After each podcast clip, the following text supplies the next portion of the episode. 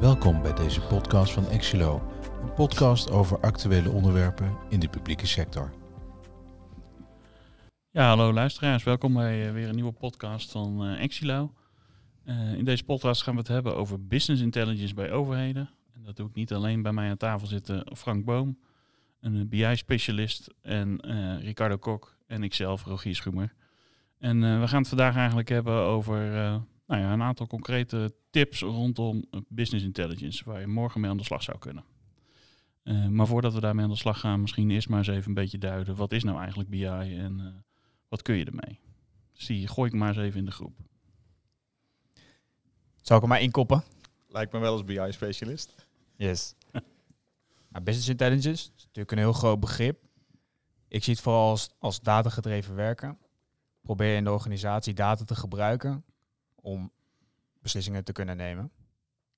Dat is eigenlijk heel kort.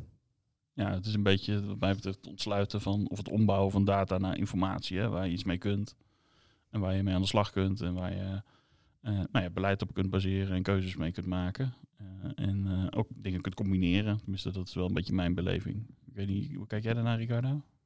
Ja, ik herken me daar wel in. eh. ja, ik, ja, nee, ik herken me daarin. Dus en eh, de toepassing van BI, eh, hebben we daar, eh, nou, zien we dat al veel in de praktijk? Of is dat nog een beetje, nou, komt dat net een beetje op? Ja, wat je net al kort benoemde was dat je veel, je ziet veel Excel-sheets nog tegenwoordig om informatie uit verschillende systemen te trekken. Je wilt die data juist gaan combineren. Vaak is dat lastig om het te doen in Excel. Dan krijg je met heel veel formules dat foutgevoelig is, waarbij je soms dan niet volledig bent, of waarbij de informatie dan niet juist is. En BI kan dan juist dan daarin faciliteren. Ja, nou, eens. Ik denk dat BI helpt om het een beetje te structureren en dat je het ook niet elke keer eenmalig doet. Maar het gewoon een, eh, een structuur omheen bouwt waarbij het een rapportagestructuur wordt. Die eens in de maand of nou, wanneer je dan zelf ook maar wil, eh, de informatie ophaalt uit de verschillende systemen en combineert. Mijn beeld is nog wel dat overheden een beetje zoekende zijn hierin. Hè, dat ze nou ja, nog eh, echt wel, eh, wat jij zegt, veel met Excel-sheets bezig zijn. En handmatig rapportages bouwen in plaats van eh, geautomatiseerd eigenlijk de informatie combineren en ook visueel weergeven. Want ik denk dat dat ook een toegevoegde waarde is van, van BI. Dat toch visuele weergave van informatie mensen wat meer prikkelt dan tabelletjes en getalletjes alleen maar. Ja, je ziet ook in veel organisaties nog dat ze, als je naar een financiële functie kijkt, dat ze vaak nog wel 80, misschien wel, eh, ja, toch wel 80% van de tijd bezig zijn met echt puur het fabriceren van rapportages. Ja. Terwijl als je dus inderdaad met hè, datagedreven werken, maar ook dus met BI een vertaalslag probeert te maken, dus gaat eh, automatiseren, ja, dan kan je zo die rol omdraaien. En dan ben je misschien nog maar 20% van de tijd bezig met rapportages, waardoor je dus echt in, meer in de analyse stuk kan gaan zitten. Waarbij dus ook hè, de business controle functies bijvoorbeeld zijn steeds vaker ja, in trek. Maar die zijn ook vaak gewoon nog rapportage aan het bouwen. Terwijl je juist wil dat die in de organisatie proberen te, te ondersteunen. Ja, En wil, kan daar ja, bij helpen. je wil de denkkracht van die mensen benutten in plaats van eh, ja, hun eh, vaardigheid in Excel en het verzamelen van informatie.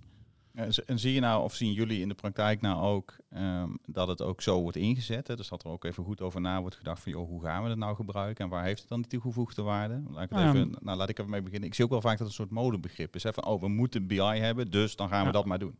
Ja, nou, dat is misschien een mooi bruggetje naar welke valkuilen zien we nou eigenlijk als het gaat om BI in de praktijk. En misschien is de eerste wel inderdaad dat, eh, dat het een soort doel op zich wordt hè, om BI te gaan toepassen in plaats van eh, dat het een middel is om wat anders te bewerkstelligen, namelijk stuurinformatie eh, te verzamelen. Maar eh, ja, er zijn ongetwijfeld, weten jullie of kennen jullie nog meer voorbeelden van valkuilen in de praktijk? Ja, nee, zeker. Je ziet inderdaad vaak dat eh, BI een doel op zich wordt. Vaak hebben ze een mooie overzicht gezien en denken ze, ja, dit wil ik ook. Vaak verkoopt dat natuurlijk ook wel goed. Ik zie een mooi overzicht en dat wil ik ook. Ja. Maar ik vind wel echt, BI is een tool.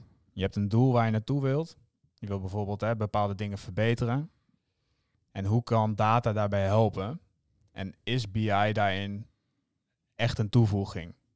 Ja. En vaak zie je dat dat soms niet eens zo hoeft te zijn. Het kan ook soms zijn dat ik projecten heb waarbij ik dan als BI-specialist kom, maar waarbij we helemaal geen BI-tool gaan gebruiken. Dat zou kunnen. Nou, precies. En dan komen mensen bij je met vanuit, joh, ik heb het ergens gezien, lijkt me ook gaaf en ik wil het ook. Terwijl het misschien niet nou ja, eh, de juiste oplossing is voor het probleem wat zij hebben.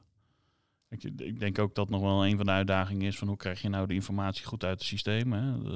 Wat ik veel zie in de praktijk is dat toch nog als er BI wordt gebruikt, dat dat dan ja, nog allerlei handmatige verwerkingslagen voor zitten. Terwijl ja, volgens mij is dat nou juist het idee van BI dat dat voor een groot deel niet meer nodig is en dat je dat gewoon kunt gebruiken, dat het hapklare brokken worden. Ehm, dus dat, daar zit volgens mij ook nog wel een van de valkuilen van ja, door het te gebruiken als, eh, als, als doel op zich. Ja, ga dan niet aan de voorkant, eh, als, je, als je nog drie dagen bezig bent om eerst allerlei Excel-sheets in elkaar te draaien voordat je je BI-tool eroverheen kunt halen. Ja, misschien is het dan niet de beste oplossing. Nee, je ziet vaak dat ze die BI-tool echt gebruiken puur voor het weergeven. Maar dat is natuurlijk maar een onderdeel van het hele BI-stuk. Je hebt bijvoorbeeld een, een Power BI van Microsoft, wat een tool is om dingen te weer te geven. Maar er zit inderdaad een heel groot stuk daarvoor. En dat zit echt in het stukje data structureren. Ja. En dat we- moet je eigenlijk juist dan meenemen als je echt de voordelen eruit wil halen. En vaak zie je dat ze daar inderdaad, omdat ze gewend zijn met Excel te werken, dat ze daar nog heel veel werk in Excel doen. En uiteindelijk niet het maximale uit de automatisering halen eigenlijk. Ja, dus de, eigenlijk de eerste valkuil is van joh, ga het niet gebruiken als doel op zich. En tweede is eigenlijk van oké, maar als je dan, als het de oplossing is voor jouw behoeften, ehm, nou, ga dan zorgen dat je in ieder geval de data, je data warehouse zo hebt opgezet dat je ook die data kunt ontsluiten en niet daar alsnog heel veel handmatig werk eh, mee aan de slag eh, mee nodig hebt. Ja, dat is natuurlijk ook wel een, het, het mooie bruggetje naar zorg dat het deels geautomatiseerd is, et cetera. Ja. Ik hoorde jullie net vertellen, ja, Excel-overzichten. Nou, ik zie soms ook wel eens dat het meer wordt gebruikt als een, nou ja, tussen aanhalingstekens, automatiseren van dat handmatig opgestelde Excel-overzicht. Lees, we stellen dat Excel-overzicht nog steeds op. En het wordt in, P- of eh, in Power BI bij spreken eh, Het is opgenomen. iets mooiere grafiek eh, in Power BI en je kunt erop doorklikken en dan voelt het in één keer als BI, terwijl ja, het is nog steeds dezelfde Excel-sheet. Ja, de- eh, dus met een beetje pech heb je informatie die niet geüpdate wordt of is het achterhaalde informatie. En dat is toch wel lastig als je daarop gaat sturen. En wat ik ook nog wel zie als valkuil in de praktijk is dat het echt een feestje is van één iemand. Hè? Dus dat er eh, één iemand zich, eh, die dit leuk vindt, die er affiniteit mee heeft, mee aan de slag gaat. Maar ja, dat er eigenlijk onvoldoende aanhaking is vanuit nou ja, de mensen die uiteindelijk het gaan gebruiken of moeten gaan gebruiken. En het dan een soort papieren tijger wordt, zou ik bijna willen zeggen. Maar een digitale papieren tijger die eh, heel mooi wordt opgezet en dan ergens in de la belandt, omdat eigenlijk de eindgebruiker er eh, weinig mee doet of weinig mee kan. Ja, zo heb ik ook ergens al eens een keer een project gedaan. Waarbij inderdaad echt meer werd gezegd van oké, Frank, alsjeblieft, wij willen dit en ga het maar maken.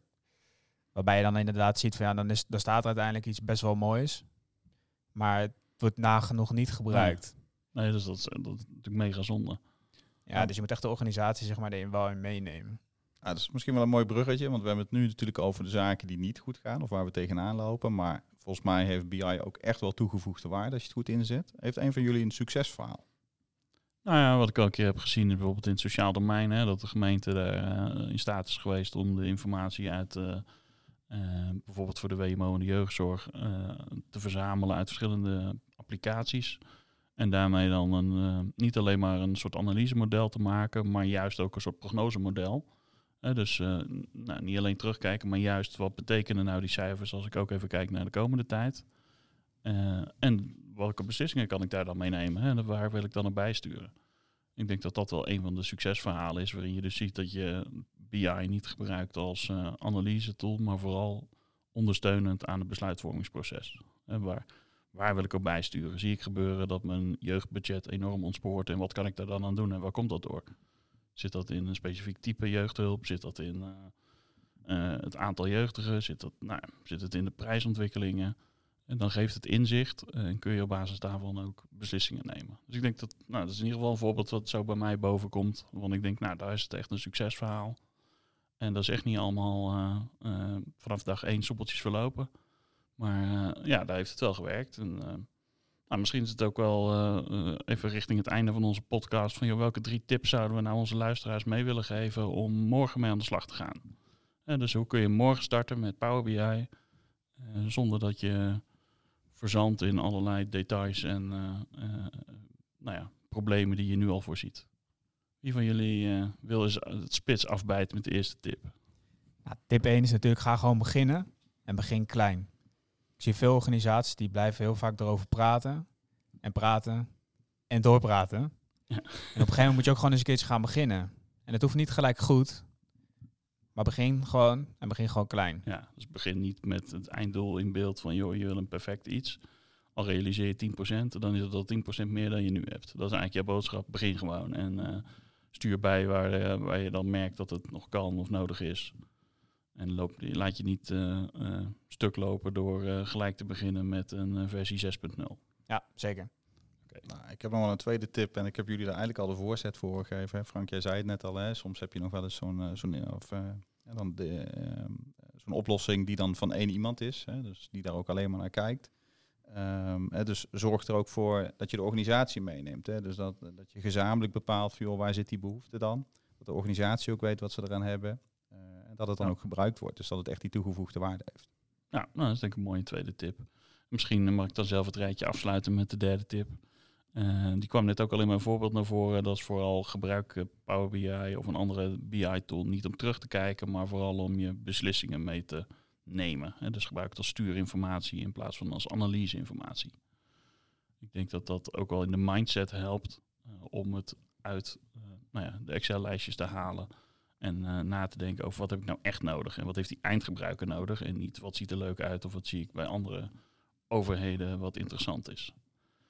Ehm, nou, volgens mij hebben we dan drie mooie tips waar mensen morgen mee aan de slag kunnen. Dus begin klein, eh, neem de organisatie mee. En drie, focus op de toekomst. Het moet beslissingen ondersteunen. En dus ik zou iedereen willen oproepen, begin daar morgen mee. En eh, ga eens kijken wat BI eh, voor jouw organisatie kan toevoegen, eh, als het dat kan toevoegen. Dus eh, dank voor het luisteren eh, naar deze podcast. En eh, Frank en Ricardo uiteraard ook bedankt. En tot de volgende podcast weer.